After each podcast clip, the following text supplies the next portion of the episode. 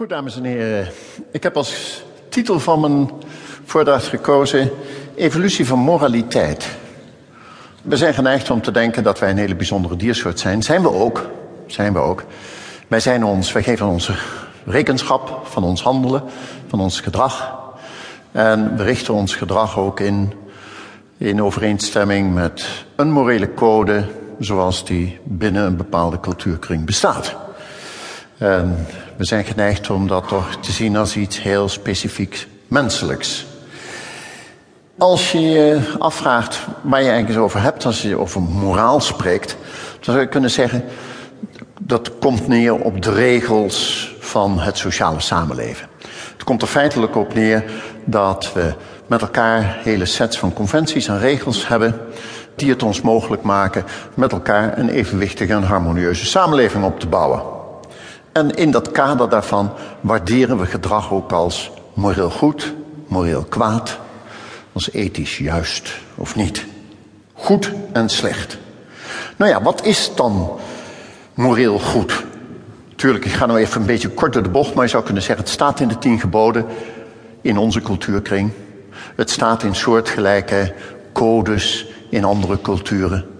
En eigenlijk komt het altijd op hetzelfde neer. De essentie van het geheel is de volgende. In eerste instantie natuurlijk een aantal aanbevelingen om je te richten naar het gezag waaruit die moraal voortspruit. En dat is in onze tien geboden begint dat met een verwijzing en een beroep op ons gevoel van eerbied voor God. Maar dan komen er een aantal geboden, dan wel verboden, en die hebben toch eigenlijk allemaal essentieel te maken met intomen, dimmen, zelfzucht reduceren en altruïstisch, dienstvaardig, behulpzaam zijn ten opzichte van de naaste, ten opzichte van de samenleving waarvan je deel uitmaakt.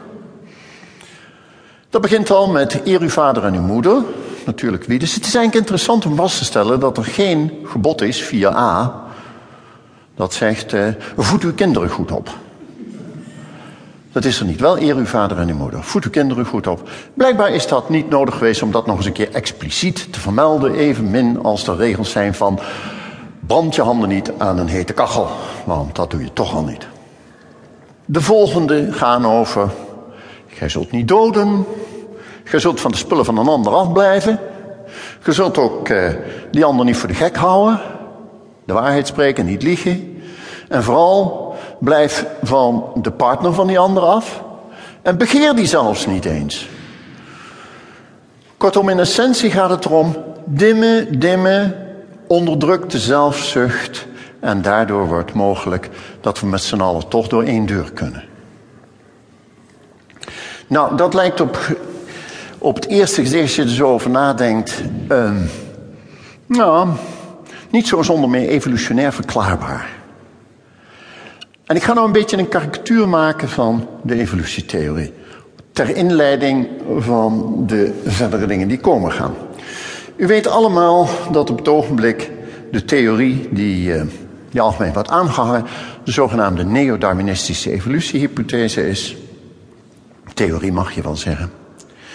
Uh, Darwin was overigens niet de eerste die meende dat de structuren van het leven en de processen van het leven en de vorm die die genomen hebben, dat die zomaar uit het blauwe zijn komen rollen, maar dat die het resultaat zijn van een heel lang en geleidelijk proces van ontwikkeling, waarbij complexere vormen uiteindelijk zijn voortgekomen uit meer eenvoudige vormen.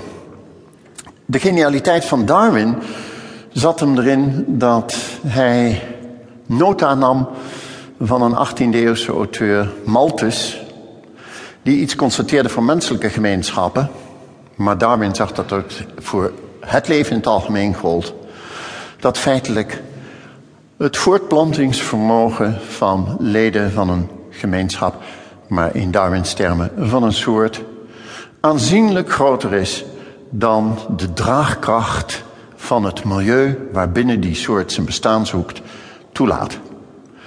Kortom, je hebt twee factoren. Enerzijds een relatief groot voortplantingsvermogen.